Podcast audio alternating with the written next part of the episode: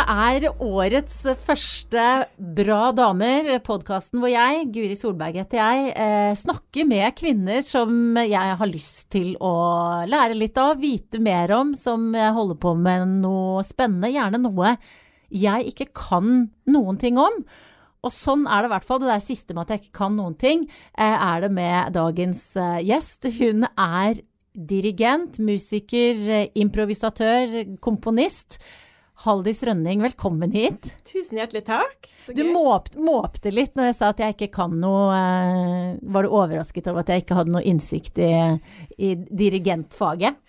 Eh, nei da, eh, det, det, er vel helt uh, naturlig, på en måte. At uh, det er ikke så vanlig å holde på med det, egentlig. Men likevel, selv om det er på en måte en, en litt sånn eksotisk verden, kanskje, da, for meg, så har jeg skjønt at for deg så kom det som en sånn naturlig greie at du hadde en sånn følelse av at dette vil jeg gjøre. Ja. Kan ikke du fortelle hvordan du kjente det? Ja, Det var ut egentlig utrolig merkelig. Eh, hvorfor velger man noe så rart, på en måte? Eh, ja, altså, jeg var jo Holdt jo på med å spille musikk og sånn eh, fra jeg var sju. Det var bare det var et innfall fordi en venninne spilte, liksom. Det var ingen i min familie som som, som utøvde instrument eh, på den måten, da. Så, eh, så, da begynte jeg med det, fortsatte litt. Og så etter hvert, liksom når jeg ble sånn 12-13, tror jeg det var, så liksom så, da man liksom begynner å bli Begynner å vokse litt mer, og identiteten begynner liksom å bli sterkere, så akkurat som da tente det en sånn ild eh, i meg, og da, eh, og da var det liksom ingen vei tilbake. Da var det bare sånn helt uendelig appetitt på fag og bare utforske og liksom Jeg bare stupte på en måte inn i musikken og bodde der i mange år.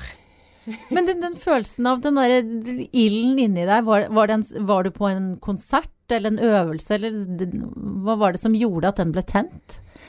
Eh, et, det, det, er ikke noe sånn spesifikk for den generelle eh, ilden for musikk. Den bare den bare vokste, tror jeg, etter hvert som jeg ble ut, uh, utsatt, eller jeg håper å si, opplevde ulike sammenhenger og være i musikken.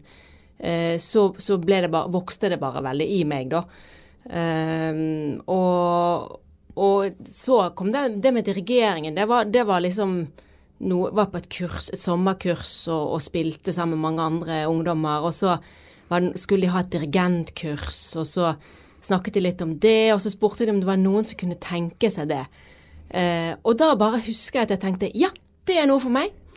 Eh, og, så, eh, og så jeg, rakte jeg opp hånden og, og, var liksom helt klar på at det hadde jeg lyst til. Eh, uten at jeg liksom visste Altså det er jo egentlig helt vilt å bare stå oppå et sånt podium. Altså det er jo en veldig eh, Altså eh, hvor, hvorfor, hvorfor, tror man at det er noe? Men jeg, jeg hadde vel Jeg tror jeg hadde mye på hjertet, da. Og, eh, og så var jeg veldig uredd. Eh, og hadde god selvtillit òg, så, så det liksom bare tenkte yes. Um, og da var jo det den, liksom, den dirigentilden ble tent, da. For mm. det, den følelsen av å stå der oppe og være sammen med andre folk og på en måte påvirke eh, lyden og det som skjedde, det syns jeg var bare helt magisk. Jeg var helt Ja altså første, første, gangen jeg gjorde det, så fløy jeg på en måte etterpå. I en uke.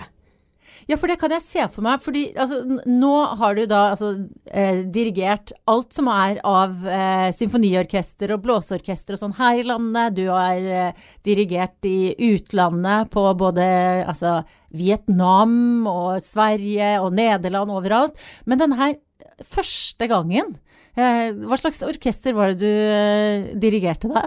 Eh, det var vel sommerskole på Halsnøy, så det var Jeg husker ikke helt hva man kaller det, men det er da norsk Kan det være Norsk Ungdomsorkesterforbund, eller Norsk skoleorkester. Jeg husker faktisk ikke eh, akkurat tittelen, men det var altså sommerskole på Halsnøy. Mm. Eh, med masse andre ungdommer fra, fra regionen, stort sett, da. Og der sto du og fikk denne følelsen etterpå av å fly av gårde. Ja. Eh, fordi at du nevnte jo det at du hadde hadde selvtillit. Og det har jeg tenkt når jeg, når jeg nå har kost meg med mange klipp hvor jeg ser at du dirigerer. Så en ting så blir jeg jo fanget av den vakre musikken, men jeg syns det er så gøy å se på deg. Fordi at det er jo en sånn eh, Er det en dans? Er hun en sjef? Er, altså du er liksom alt på en gang i, i, i masse bevegelser. Eh, den selvtilliten til å ta den plassen oppå podiet der, hvor, hvor kom den fra? Eh, det, det, er, det er vanskelig å svare på, men eh, jeg tenker jo at jeg har med meg noe hjemmefra, da. At, eh, at jeg har blitt eh, støttet veldig. Um, og fått lov å på en måte dyrke mine interesser og, og Så jeg har en, har, hadde en sånn grunnleggende selvtillit med meg, da. Um, Eh, og så er det jeg på en måte kanskje litt naiv òg, at jeg bare At jeg kan stupe litt inn i ting. At jeg bare Jeg kan blokkere ute liksom veldig mye sånn tanker om ditt og datt. Uh, og, og, det ligger det jo en styrke i, for da kan man på en måte bare være. Og da, og da skjer det som skjer naturlig. Da. Så hvis jeg danser da, så er det fordi at det føles naturlig i øyeblikket, eller Kroppsspråket er på en måte blitt en sånn naturlig del av mitt uttrykk, og utover det som er sånn såkalt dirigentteknisk. For man, har med, man lærer teknikk som gjør at folk skal forstå hva man mener. Mm. Som er liksom helt essensielt. Det er liksom alfabetet, på en måte. Og eh, altså, så heter det seg at man skal kanskje stå helst i ro og sånn, da. Men eh, oh ja, skal man egentlig det? Ja, altså, det, det er en sånn sant, Man skal ikke bevege Man skal ikke ta oppmerksomheten vekk fra musikken, på en måte. Men uh, ja. Det fins masse regler. Og så, så et, en annen ting er liksom hvem man er, og hvordan det fungerer, da. Så så lenge det fungerer, og ja, det er naturlig for meg å bevege meg. Mm. Uh, det er noe som skjer helt av seg sjøl, da. Uh, og jeg har jo også begynt å jobbe med bevegelse som, som eget uttrykk. Fordi det føles naturlig, da. Mm. I og med at jeg har jobbet med bevegelse for, uh, med musikere i veldig mange år, så er liksom gestikk og bevegelse liksom blitt en del av mitt uttrykk. Og da har jeg også tatt det litt videre, da. At det kan være et uttrykk i seg sjøl. Mm. Og forske litt på det. Men, men det er jo når du står der, og så er det som, som, du sier, du har denne teknikken, alfabetet, liksom tegnspråket du, mm. du bruker for å kommunisere med musikerne dine. Mm. Um, er det det som er det viktigste? Eller, altså jeg tenker, for du er jo på en måte også eh, sjef, da, for mm. den gjengen. Altså du har en slags sånn eh, ansattansvar på et vis. Eh, medarbeidersamtaler, du må se dine, se dine musikere. Altså hvilke egenskaper er det du har som er viktigst i den jobben du gjør? Uh, det uh, Altså, jeg tenker kommunikasjon er veldig viktig. Å se uh, Å være oppmerksom. Og, ja. se folk. Å se situasjoner. Altså være helt åpen for situasjonen. Hva, hva er denne situasjonen, liksom? Um, og kommunikasjon. Liksom få, få, få, kommunikasjon til å flyte, eller få, få um, ja. Øh, men jeg tenker også liksom bare Kontakt med seg sjøl er òg liksom like viktig for at det skal flyte. Ja. Uh, så ikke all energien går utover, på en måte, men at noe energi er liksom uh, innover òg. Eller at man har kontakt med liksom det indre på en eller annen måte. Um, altså jo, det er jo selvfølgelig masse sånn Man må jo være liksom strukturert, og man må liksom eh, være godt forberedt, og det er mange det er en enorm mengde da, med ting, egentlig. Det, det, det er noe av det jeg syns er gøy med det yrket, for dette er så sykt mye eh, utfordring hele tiden. Og du møter hele tiden nye mennesker, nye konstellasjoner. I hvert fall som frilanser. Mm. Og det å møte en ny gruppe med sin energi og, og, og kultur og hvordan forholde seg til det, og hvordan på en måte få et bra resultat på kort tid. da. Så du har, eh, eh, du har en uke på deg, eller litt mindre. sant? Og da er det fra det første møtet til man viser noe for publikum, så er det liksom en ganske intens prosess, egentlig. Så man må være veldig fleksibel. Men hva er, du, hva er det du kjenner etter da, liksom det første møtet med et orkester du ikke har eh, jobba med før? Eh, hva er det liksom Hva er det som er viktig da å plukke opp, eller? Ehm, ja, nei, altså uh, Man må på en måte bare Altså, man må formidle musikken. Det er liksom, det er liksom nummer én, da, det mm. faglige, liksom. Og så altså, Jeg er jo veldig Jeg er veldig sånn sensitiv for stemninger, så jeg merker veldig fort liksom hvordan ting er. Eh, og så prøver jeg å jobbe med det på en liksom positiv måte, da. Mm. Så ja, jeg prøver å gi mye positivitet. Har du noen gang følt at ok, så her Altså at du stanger, liksom? At uh, energien i den gjengen du har foran deg, eh, butter imot på noe vis? Sånn at du bare tenker ja, dette går ikke. Ja, det har jeg faktisk følt noen anledninger, ja. At, at vi er på litt på forskjellig planet. Eh, og, og da er det jo vanskelig, så må man, man må jo prøve, da, tenker jeg. Altså, må, det, det er viktig at man liksom hele tiden er åpen og, og, og, eh, altså det, det er ikke ofte det har skjedd, men det er kanskje et par ganger, liksom, at det, at det har vært litt sånn Og det kan være, det kan være alt fra en forventning, sant, at eh, musikernes, musikernes forventning eller min forventning, at det er krasj med det, kanskje. Sant? At man ønsker en type lederstil eller uh, sånn som, som jeg da ikke representerer, eller, og jeg ikke vil liksom legge alt mitt på båten for å gjøre Altså det når man møtes, og så må man se liksom hvor, hvor langt kan man justere seg, da. Ja. For å få det til å funke. Og stort sett så går det veldig bra. Sant? Så noen ganger har det, litt, har det vært litt tøffere, selvfølgelig, ja. Mm. Og hvor du på en måte er redd for å, hva skal jeg si, eh, miste din egen integritet, Ja, da. ja, det handler mye om det, egentlig. Eh, For jeg har vært hel, helt fra begynnelsen av veldig sånn tydelig for meg sjøl og, og for hvordan jeg vil gjøre ting, hva jeg ikke vil gjøre. Jeg er ikke interessert i å ta på meg en slags dirigentrollemaske Nei. eh, for å gjøre liksom livet lett å, å leve. Altså sånn at ting blir lett å eh, Den avstanden, da, har jeg ikke interessert i. Og det gjør jo ting litt mer komplisert når man er liksom litt sånn blott, blottlagt eller litt eh, ekstra åpen, på en måte. Mm. Men, eh, men jeg er litt sånn, og jeg tenker, og det har vært viktig for meg å bare eh, å ikke ta på meg en rolle. Jeg tror jo egentlig at det til syvende og sist også er bra, fordi at eh, man kommuniserer Altså, en slags, altså hvis man er seg sjøl eller ekte, så vil det kommunisere bedre, Ja. Tenker jeg. Og pluss at den eh, Jeg vil helst ikke ha mye avstand mellom Jeg vil at vi skal være likeverdige, og jeg vil at vi skal eh, Ja. Så du er ikke den autoritære dirigenten? Nei, det er ikke i det hele tatt. Så, eh, og det har, det har jeg vel aldri vært heller. Så,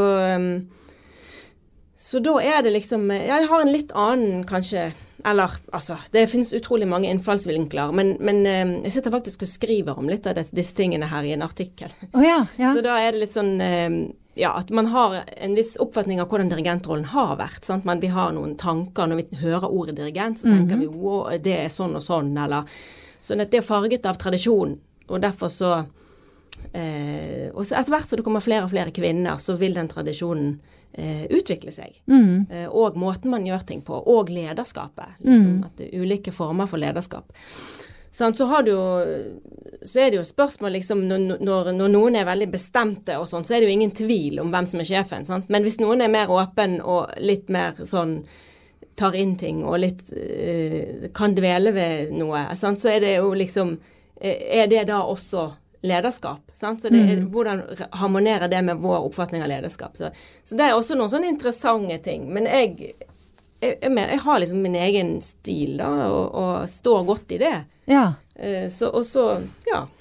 Og dette her tror jeg, selv om jeg liksom åpna med å si at det du holdt på med var så utrolig eksotisk, så tror jeg akkurat dette her er det jo veldig mange som kan relatere seg til. Altså jeg kjenner igjen eh, tanker jeg har hatt rundt min jobb, ikke sant. Eksempel veldig tydelig å gå inn i rollen som programleder, uansett hva slags program det er. Så, så eh, har jeg tatt meg selv i å spille rollen som programleder for det programmet. Eh, det kan funke, men det blir aldri så bra som de gangene man eh, bare gjør det på en måte litt sånn ufiltrert på sin egen måte. Og det, det jeg tenker som er suksessfaktoren litt der, da, eller det som gjør det lettere, er jo at man må tørre å drite seg ut. For de gangene jeg tenker jøss, der var jeg faktisk litt flink, det er ofte når jeg har gjort feil. Og så henter jeg meg inn igjen. Eh, for da er man liksom Da kan du ikke spille den rollen. Men, men hvordan er det Altså eh, igjen, jeg vet ikke om jeg kanskje ville klart å spotte at du gjorde feil, for jeg kjenner ikke jobben din sånn, men hvordan, hva gjør du hvis du gjør feil? Eh, nei, da må man egentlig bare gå videre, liksom, og prøve ikke å tenke på det, liksom. Mm. Men det med at feil eh, må være en mulighet, det, Mm. altså den innstillingen om at man kan ikke safe, man kan ikke hele tiden på en måte eh, prøve, eh, være veldig opptatt av at det skal bli riktig. For da, da er det vanskelig Mm. eh, at det blir bra. Eh, for det er den der iboende muligheten for at ting skal kunne gå feil, Ja. som, som gir en slags frihet, da. Eh, og, og, sant, og du opplevde at faktisk når det skjedde en feil, at da, da kommer man liksom på en eller annen måte en tilstedeværelse eh, som er annerledes, eller det er noe overraskende eller som gjør at Jeg vet ikke. Det, det, det, var- det er jo det er veldig interessant. Og jeg har jeg har tenkt mye på akkurat det med For det, det er jo i faget mitt også er det en veldig stor andel perfeksjonisme som på en måte kreves, da. Både i utdanning for å komme på et sånn og sånn nivå. Og altså, vi lærer så utrolig mye. sant? Så, nei, ikke på den måten, på den måten. Og så sånn og sånn og sånn. For at det, det er en sånn stor tradisjon, og det er vanskelig å bli god på et instrument. Skikkelig god, liksom. Og eh, det krever så mye øving og eh, Så det er liksom en jungel av perfeksjonisme som man på en måte må liksom manøvrere seg gjennom og ut igjen på andre siden. Eh, og finne en fin balanse mellom å og selvfølgelig eh, være veldig godt forberedt og, og, og, behandle eh, detaljer og perfeksjon med, ha det med seg, men at man også At ikke fokuset blir for mye på det. Ja. For da, da er det lett at det blir eh, ikke så gøy, eh, og kanskje ikke den der genuine eh, Og magien liksom som kan oppstå ut av kanskje feil, eller kanskje noe som man ikke har planlagt veldig ofte, da. ja. For hvis man planlegger da for mye, så stenger man litt for den free flow, da. Mm. Og det for deg, kan det være at, altså at Kan musikerne overraske deg? At det dukker opp noe som er det, er det, Går det an å forklare hva, hva den magien kan bestå i for deg, da? Ehm, ja, det, det er, kan absolutt være overraskelser og um, Og også at jeg sjøl ikke vet hva som kom Altså, jeg vet jo hva som kommer, men at jeg ikke planlegger det for mye, men at man bare er i øyeblikket, da. Ja. Um, Det krever jo sin kvinne å ha trygghet til å gjøre det. Ja, det gjør det. Eh, og det har tatt meg også mange år liksom, å komme tilbake til den tryggheten. Jeg hadde den da jeg var helt ung. For da var jeg bare helt sånn Yes! Dette er bare så kult! Oh my god! og så uh, Så det var bare en sånn slags en sånn uh, Ja. Et utbrudd av kreativitet, kan du si. da.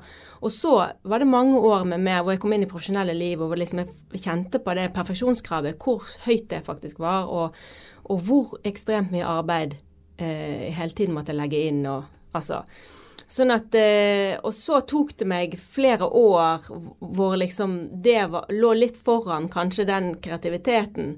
Men jeg var ikke helt happy med, med den situasjonen for min egen del. Så, så, eh, så etter hvert så har liksom den åp åpenheten og kreativiteten kommet mer og mer inn, og den, eh, også den tryggheten til å bare være. Og da i, i det I det å kunne stå på podiet og ikke vite hva som skal skje, det er en enorm utfordring, og som jeg syns er helt fantastisk når jeg klarer det. Ja. Fordi at, fordi at uh, da må jeg på en måte åpne for muligheten for at jeg liksom ikke vet. Eller sant at eh, jeg kan ikke holde på kunnskapen eller definere hva som skal skje i neste øyeblikk alltid. Sant? Så jeg må Ja, nei, det er, men det er faktisk da det kan oppstå. Eh, når jeg bare er. Ja. Og, eh, og da Ja. Og da oppstår det et eller annet. Og det er sånn, en sånn massiv øvelse i mindfulness, da, egentlig. Å være liksom akkurat her. Ja, Ja. jeg syns det er en av de kuleste tingene med det yrket. For jeg føler at jeg hele tiden, hver eneste jobb jeg har, så øver jeg meg på en form for tilstedeværelsesøving. Det er også et ekstremt press å på en måte stå oppå der med eh, kanskje nesten 100 spesialkompetente folk. Mm. Sant? Som, som alle har oppmerksomheten delvis i hvert fall rettet mot en. Sant? Så da må man på en måte Da må man være til stede. Mm. Man kan faktisk ikke liksom tenke på hva man skal ha til middag i morgen. Fordi at det er ikke rom for det. Og den, ekstreme, det ekstreme presset, på en måte, det, det, liker jeg. Fordi at det gjør at, at fokuset blir så intenst. At, at jeg syns det åpner for en annen tilstedeværelse, da. Ja. Jeg skjønner helt hva du mener, og jeg tror mange kan relatere seg til det, til tross for at de ikke har samme erfaring som deg som dirigent, da, at man kan overføre det på andre områder. Absolutt. Og du beskriver jo da sant, en verden som er, eh, kan være ganske streng, masse regler. Eh, sett utenifra så er jo eh, den klassiske musikkmiljøet som du vandrer mye rundt i, eh, ganske konservativt. Ikke sant? Vi hører jo sånn jeg, De få gangene jeg er på, på den type konserter, så er jeg jo redd f.eks. For, for å klappe på feil sted. Det sier kanskje like mye om meg som om den verdenen, men, men jeg ser for meg at uh, når du kommer inn da med den friskheten som du beskriver, og også det faktum at du er en av ganske få kvinner i den verdenen, så er det på en måte sikkert en stor styrke, men uh, i hvor stor grad vil du si at det har gitt deg uh, ekstra ting å bryne på, bryne deg på? Jeg vil si at det helt sikkert har gitt meg ekstra ting å bryne meg på, ja. Mm. Det, det, det, det, er helt sikkert. Eh, fordi at eh, ja, jeg har holdt på holdt på mitt, eller hva skal jeg si, insistert på å gjøre ting på min måte. Eh, og det har gitt, gitt, meg mye utfordringer opp igjennom. Det, ja. det, det kan jeg skrive under på. Men sant, et, nå når jeg begynner, bli, jeg begynner, å bli, litt eldre, og jeg er veldig trygg, og, og jeg står veldig godt i det, så og, og kanskje også den klassiske musikkverdenen òg nå litt mer åpen for ulike former å lede på i og med at det plutselig så kommer det masse flere kvinner. Det er liksom bare de siste fem årene så har det eksplodert. Sant? Så, det, så det er, jeg, føl, jeg, kan jo faktisk ta og føle på den eh, klimaforandringen som vårt miljø gjennomgår. Mm. Eh, så, så, det har jeg faktisk merket. Det er veldig vanskelig å sette fingeren på hva det er. Men, men plutselig så er det eh, en annen letthet over det å, å være på jobb, da. Så, mm. så, så det er jo kjempekult. Eh, men eh, ja, jeg tenker ja, det har vært eh, eh, ganske utfordrende til tider. Eh, og eh, eh, jeg har på en måte funnet en frihet òg i liksom det, det, det nye musikkmiljøet, sant? med det kreative miljøet, med, sammen med komponistene. for det har vært en veldig sånn åpenhet der. Ja. og sånn det, var, det, har vært en veldig fin ting for meg å bli kjent med komponistene i Bergen. Å komme inn i det miljøet gjennom Avgare, da, som jeg var leder i en stund. Og, eh, så, så, så, det ga en trygghet i det rent kreative. Så, ja, jeg er jo veldig kreativ, da. sant? Uh, og da ja, fikk jeg veldig stor styrke av det. Mm. Og nå føler jeg egentlig at jeg kan stå i, liksom, i den verden, i den i klassiske verden og i den helt eksperimentelle verden, og på en måte liksom være trygg i det, da. Mm. Så den, den, ekstra motstanden som du har fått, den eh, har på en måte tvunget deg til ekstra kreativitet, på et vis? Hvis man skal være nesten litt sånn krampaktig positiv, da? Ja, altså Kanskje det. Uh, I hvert fall en, liksom en bryning på veien mot å liksom finne noe eget og, og finne un, ulike kanaler for det egne mm. uttrykket man blir jo sterkere av selvfølgelig å oppleve litt ting og sånn. Ja, oppleve litt ting. Har du opplevd at folk ikke tar deg seriøst? Um, ja, altså jeg opplevde å ikke bli respektert, eh, selvfølgelig. Ganske mye, egentlig. Men det, det er jo også sånn, det er jo Unge dirigenter blir jo ikke respektert på den måten. Sant? Så det, det mm. tar gjerne lang tid før man føler at det er en sånn gjensidig respekt, tror jeg, da. Men eh, jeg husker som ung så var jeg alltid sånn Hvorfor, hvorfor kan ikke bare eh, Hvorfor kan ikke vi bare jobbe? Hvorfor kan ikke det være et utgangspunkt av en gjensidig respekt, liksom? Mm. Men, eh, men det, det, er, sånn er det litt, at man liksom må bevise. Men jeg er ikke noen god selger. Sånn, jeg er ikke sånn der som Ja. Det, det, må komme litt sånn naturlig. Ja. ja. Men det er, ikke sant, jeg, jeg ser for meg da en sånn førstefiolinist eh, på 63 som uh, har vært med ute en vinternatt, og så kommer du som ung jypling Og i tillegg er dame. Er det, er det der du har liksom eh, møtt eh, litt sånn motstand på å skulle overbevise? Eh, jeg, har, eh, har nok møtt eh, Altså, det har Ja. Det kan jeg. Jeg er ikke ute etter navn, altså. Sånn, ja, Friedrich Heimel som satt på første rad der.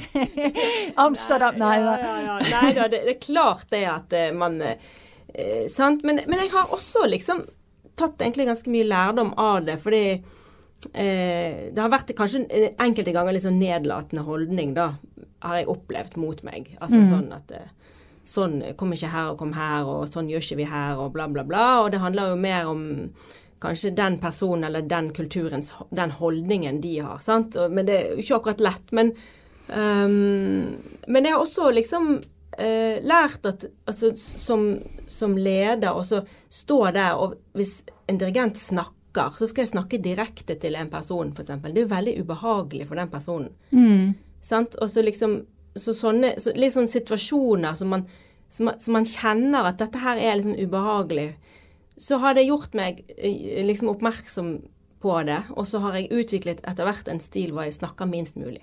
Oh, ja. Eh, og, Ja. Men det er jo fint for meg. Jeg, jeg syns det er mye kulere å, å bare be, bruke bevegelser enn å stå der og liksom si altså Noen ganger må man gjerne si noe, men jeg, jeg virkelig liker å bare bruke kroppsspråket for å ut, uttrykke hva jeg ønsker. Ja. Og da er det liksom da er det lettere å kommunisere og liksom å, å utveksle. Uh, og så ikke liksom, hvis ikke jeg fikk det akkurat sånn som jeg ville med en gang, og så si det med en gang. Det, det, slutt, det gjør jeg ikke lenger. Så da prøver jeg heller bare en gang til neste gang. Kanskje på en litt annen måte. Og kanskje vi da finner hverandre uh, lettere, da. Du som jobber så mye med bevegelse og er opptatt av kroppsspråk, er det sånn at det følger deg inn i, inn i livet utenom jobb også? At du, at du blir liksom oppmerksom på hvordan folk fører seg rundt i verden? Eh, ja, kanskje litt at jeg, eh, observerer nok eh, sikkert eh, kroppsspråket til folk, ja. Mm.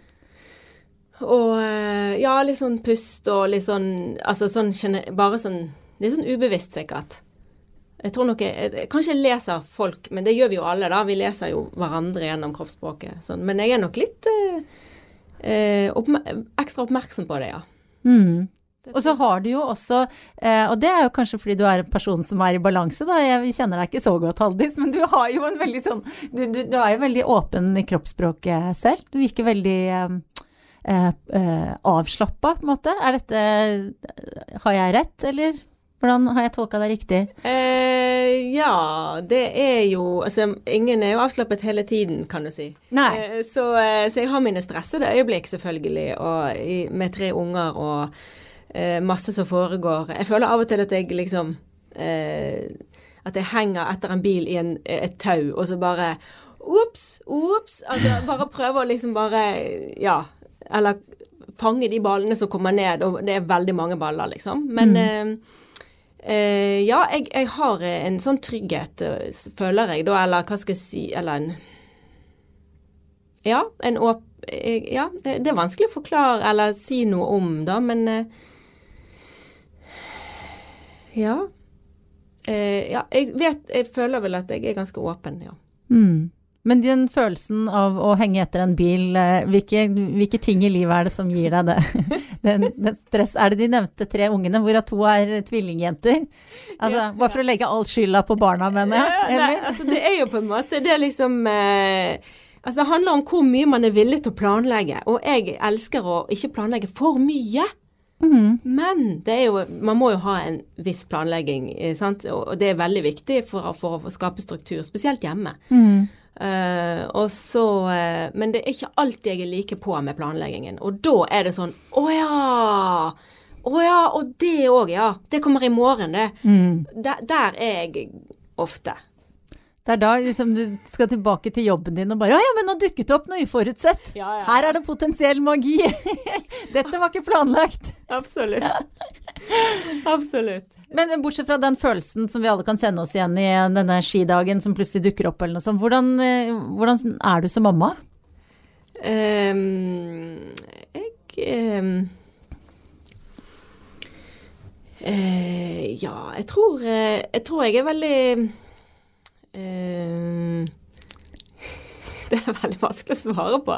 Det er i det hele tatt vanskelig å beskrive seg selv? Ja, både når jeg spør om du har sjelefred og hvor sånn, sånn. Det er jo litt vanskelig. Det er litt uh, vanskelig, ja. Um, tja, skal vi se. Jeg, jeg tror uh, Jeg er veldig til stede, og, og jeg tror jeg tar med meg noe av den der eh, tidløsheten fra, fra jobb eller fra konserten, liksom, tar jeg med meg inn i hverdagen, på godt og vondt, da. Mm. Sånn at jeg kan Men det er alltid sånn hvis jeg treffer noen òg på butikken, selv om jeg har dårlig tid, så setter jeg alt til side. Å ja, så fint. Ja, det er veldig fint, men det gjør jo at jeg av og til får noe grådig stress, da, sant. Men, men, men, men at eh, i hvert fall innimellom så er det sånne bobler. Sant. Og så senest i morges, da var det vel min, min sønn som spurte noe om den juletrefoten, liksom. Hva er det der? Og så hadde vi kjempedårlig tid, egentlig. Men da satte jeg meg ned, så begynte jeg å fortelle. og, så, og da sa min mann liksom Jeg tror vi må gå nå, liksom. ja. Så um, Ja. Jeg, jeg, jeg tror jeg er litt sånn fantasifull, kanskje.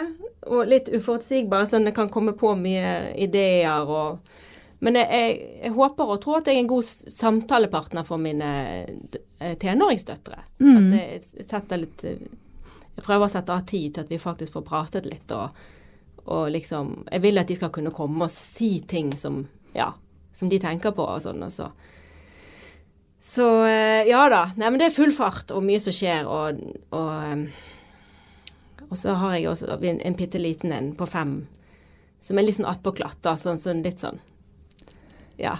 Vi koser oss veldig. Men ja. Og så er det jo det, den, den tryggheten som du hadde da når du var tenåring, trygghet til å si ja, det med å dirigere, det vil jeg, det er for meg. Eh, det er jo alt man ønsker seg for sine barn, at de skal ha den tryggheten i seg selv til å kunne ja, dirigere eller gjøre det de måtte ha lyst til. Hva, og så er det så vanskelig å vite hvordan, hvordan man skal gjøre det. Hva, hva gjør du for at, eh, ja kanskje spesielt da nå dine jenter, tenåringsjenter, eh, Mm. har den plattformen? Ja, altså um, altså Tenk å være liksom oppmerksom på hva de, eh, hva de er opptatt av, og så altså Det er jo ikke alltid like lett å være positiv til alt, for jeg er jo fra en helt annen generasjon, sant? og det høres helt gresk ut, det de forteller gjerne. Sant? Og så kan jeg bli, bli litt sånn sjokkert. Da blir jeg litt gammeldags og, og bare herlighet og, og, og TikTok og, seksualiserte videoer, og det er liksom det er liksom mye å, å gripe fatt i og ta inn over seg og forskjellig, men eh, eh, Nei, altså, altså, jeg tenker liksom De har jo kunstneriske interesser, begge disse to. Og det, det er jo liksom viktig for både meg og min mann, det, det med kunstnerisk kreativitet og sånn. Så det er noe vi stimulerer veldig til. De spiller, eller? Eh, de, de spiller også, men eh, det virker som om det hoved, liksom, ut, hoved outputen, hva skal man si, er eh, tegning, da. Oi, ja. Og maling og Jeg kommer også fra en familie selv som er billedkunstnere. Hvor hele familien er visuelle kunstnere. Min bror er det, begge mine foreldre. Eh, sant? Også tanter, onkler. Altså det er liksom eh, det, er ingen musikere, men det er bare visuell kunst. ja yes. Så det er litt sånn inspirerende, og det virker som om, om, barna mine da har, går mer den veien, da. Eh, Minstemann han er veldig interessert i musikk, så, så han spiller mye. Eh, så, alle, så det er litt sånn eh, Men det er òg interessant fordi at jeg, eh, i og med at jeg kom fra en sånn familie, så bestemte jeg meg på en måte helt bevisst på at jeg måtte ha mitt eget kunstneriske uttrykk. Jeg gikk bevisst ikke inn i det visuelle, for det var deres. Ja, nettopp. Eh, men jeg ville ha noe eget, og da valgte jeg helt sånn tydelig musikken, da. Um, for det var et behov da for å ha helt et, et område jeg på en måte var um, regjerte over selv, da. eh, sånn i familiemessig. Og så Men nå i seinere tid så har det visuell, visuell kunst kommet liksom som en kanon fra sidelinjen. At jeg er så interessert. Har vært det de Å, ja. siste liksom syv-åtte årene. Og jeg liksom bare og Bare helt sånn hekta, liksom.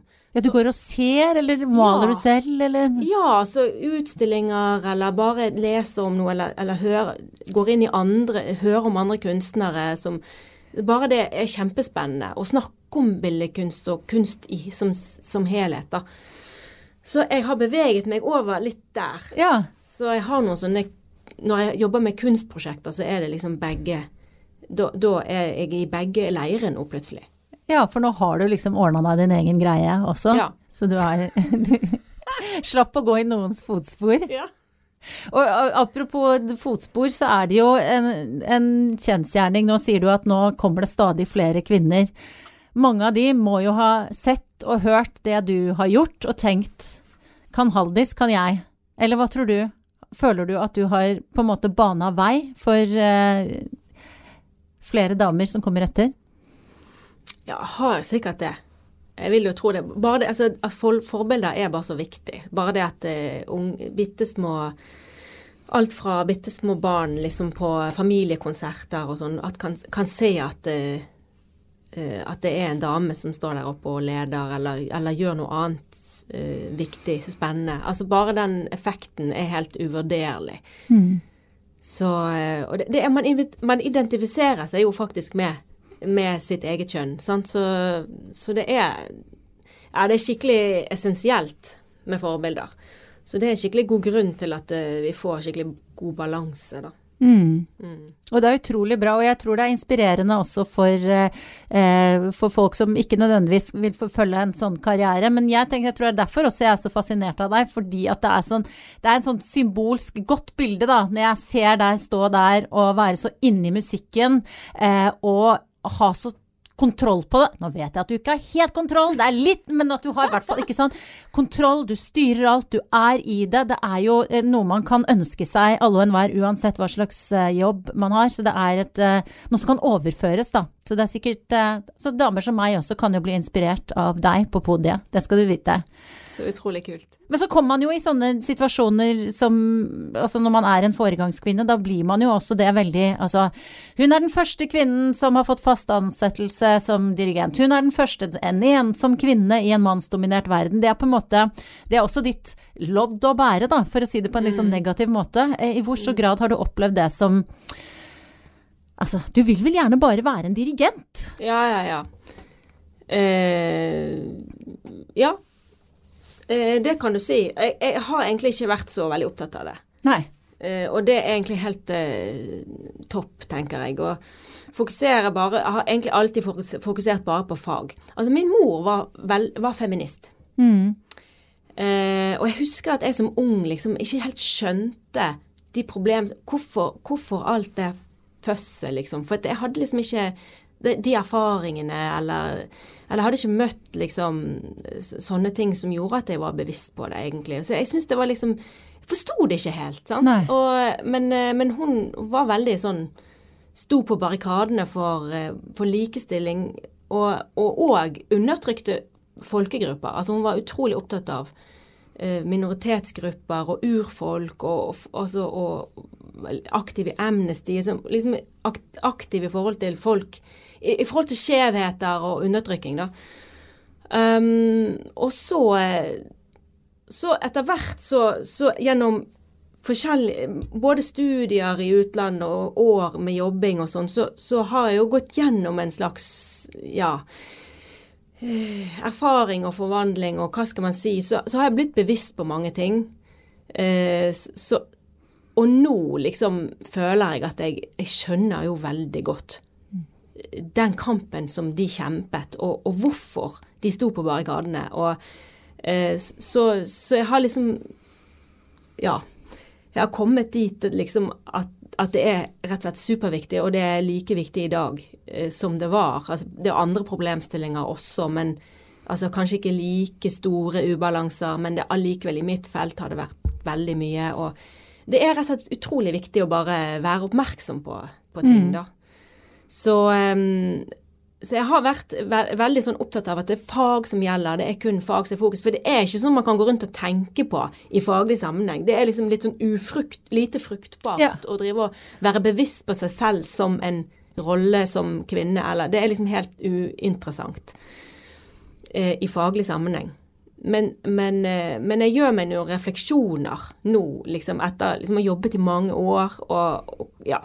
Så, så nå syns jeg det er helt greit å ha det med meg, liksom. Og tenke på det. Og, og faktisk nå skrive om det. Det syns jeg også er veldig spennende. Og, og, og det oppleves som viktig. Eh, Og ikke bare pga. på grunn av likestilling, eller sånn, eh, for at det skal være likestilling. Men hva skjer når det er likestilling? Hva, hva, hva bidrar det til? Sant? Det er jo det som er interessant. Liksom, hvilket mangfold får vi når hele eh, ulike deler av samfunnet er representert? Det er mye mer interessant. Sant? Altså, når det kunstneriske uttrykket kan ta så mange ulike former. Det blir mye gøyere for alle, Ja, tenker jeg da. jeg er enig med deg. Det er til de som tror at feminisme og kvinnekamp handler om å hate menn, f.eks., så handler det bare om et større mangfold på i alle ordets betydninger, da. Så Yes. gøyere, gøyere, mer spennende musikkverden også. Ja. Du, jeg pleier å spørre alle gjestene mine om å ta med seg noe. Du smuglet noe inn her i en plastikkpose, for jeg tenkte nei, hun har vel med seg den derre Hva heter det? Dirigentstokk? Taktpinne? dirigentpinne. Dirigentpinne. Eh, det, hadde kanskje, det hadde vært for forutsigbart eh, for deg. Pinne. Du gjør ikke det, nei. Nei. nei. Det burde jeg jo ha tenkt, jeg som har sittet og sett på YouTube-klipp med deg. Men hva er det du har med deg, Haldis? Opp fra posen baker brun-posen. Altså, jeg har med meg en, en eh, vedkubbe. The Log Lady fra Twin Peaks, tenker jeg. Liksom hun litt rare dama som går med den. Er det, kommer det nå Jeg går rundt på Nesttun med denne. Denne her på Nesttun senter. Oi, ja. ja da. Nei, det her er en, eh, en helt vanlig vedkubbe. Nå ble det kanskje litt smuler her. Nei, det er eh, bare koselig. Jeg skal ta, ta et bilde av deg hvis du snakker om den, for det var så utrolig bra. med, Ja. god, med god tørr bark, og dette er fin bjørkeved. Ja. Uh, ja, altså jeg tok med denne fordi at eh, jeg tenkte at eh, det er noe av det kjekkeste jeg vet, det er rett og slett å lage bål. ja. Eh, gå på tur og lage bål. Og eh, ja, det er Spesielt nå i januar, liksom, så er det noe helt magisk med det der bålet. Men det er noe av det samme. Det liksom tegne bål, da er det bare bålet som gjelder. Da er man bare helt sånn oppslukt. Og det er så fantastisk Man ser inn i flammene og bare få det bålet til å funke og få den varmen og Alle blir sånn Det blir stemning, da. Hva er dine eh, triks for et god opptenning? Her er jo veldig mange fagfolk som eh, strides. Eh, Få høre nå. Eh, Haldis Rønning, hva, hvordan tenner du opp et bål på best måte? Eh, OK, jeg, eh, jeg bruker eh, Hvis jeg har det, så bruker jeg et avispapir. Eh, et par sider avis krøllet sammen. Ja. Og så bruker jeg noen småpinner eh, oppå det. Men det må jo være tørt. sant? Det må være tørr ved, og helst bjørkeved. Og Ja. Bjørke, tynne bjørkepinner og litt bark. Eh, man kan også spikke sånn fliser å ha oppi, sant? og det er også veldig bra. Og så gjerne legge bare en, eh, kanskje en kubbe klar oppå, og så tenne på.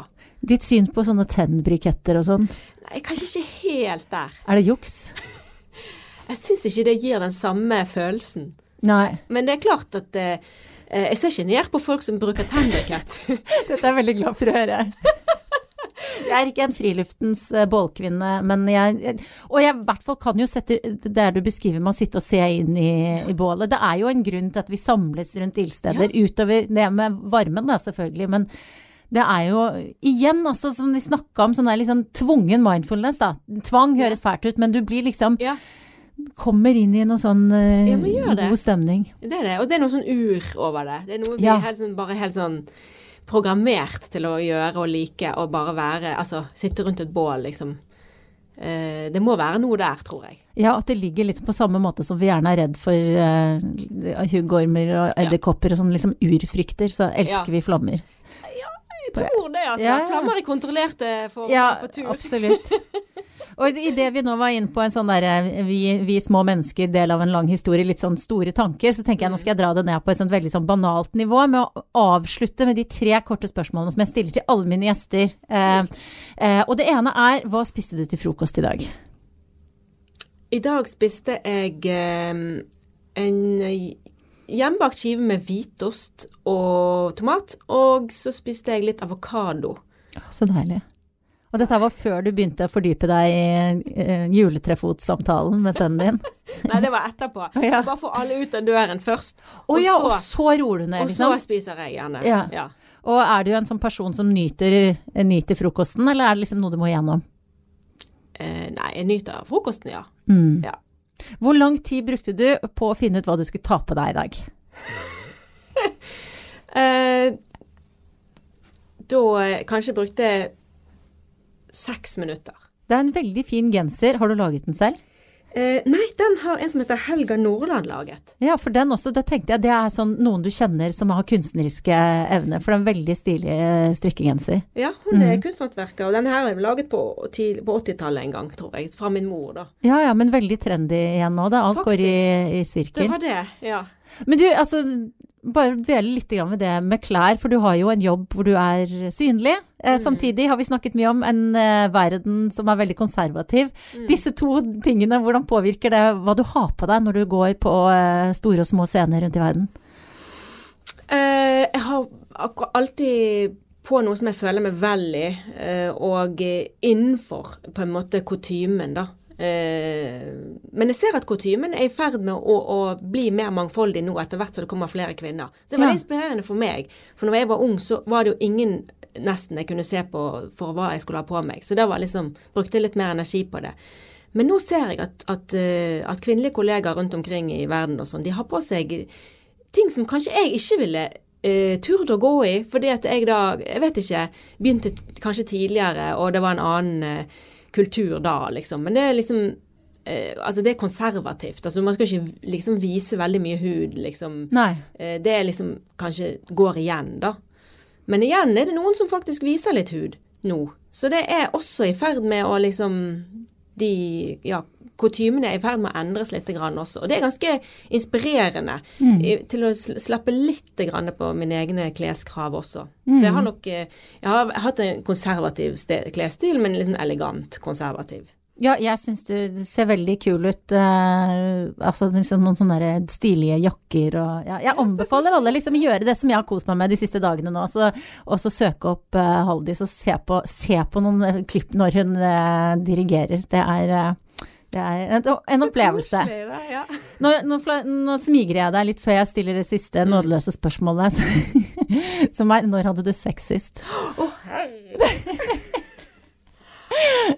Er da Nå, vif, nå vifter dirigenten med sine Hun er også fiolinist, må vite, med sine lange fiolinfingre foran ansiktet.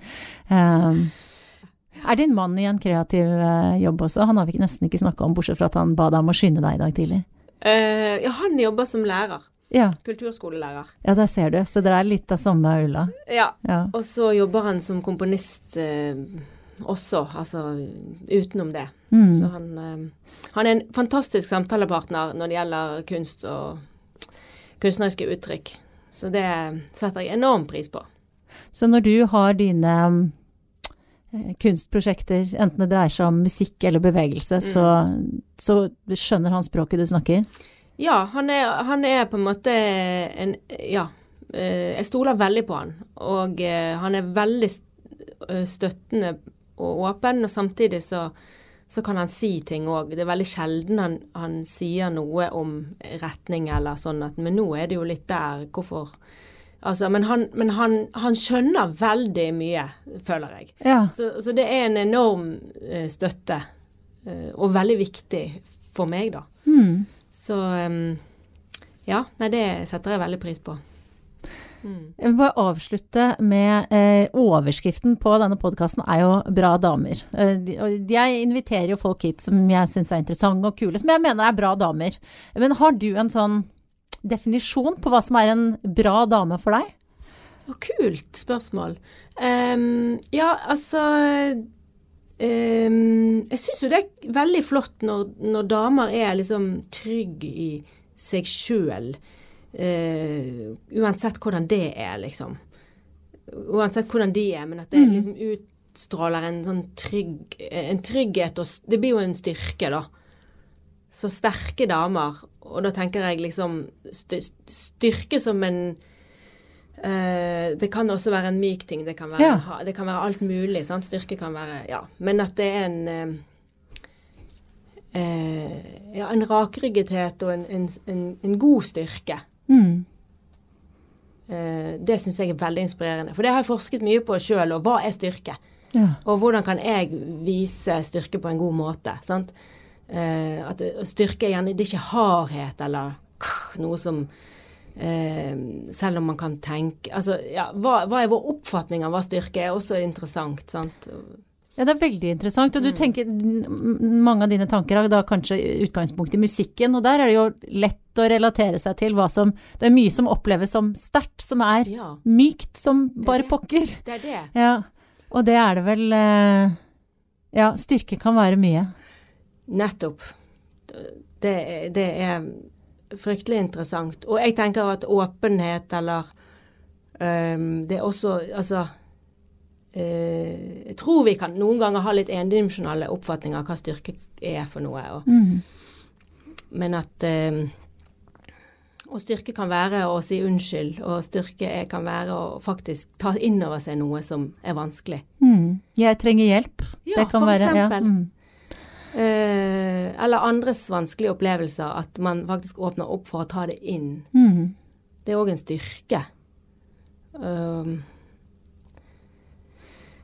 ja, så eh, Og, og um, ja, mykhet og snillhet er også en styrke. Mm. Så um, ja. Det var en fin beskrivelse av en eh, bra dame på tampen der, og mye, mye lærdom å ta med seg. Tusen takk, Haldis, for det, og for at du kom hit til podkasten min. Det var kjempegøy. Ja, sant det var det! takk skal du ha.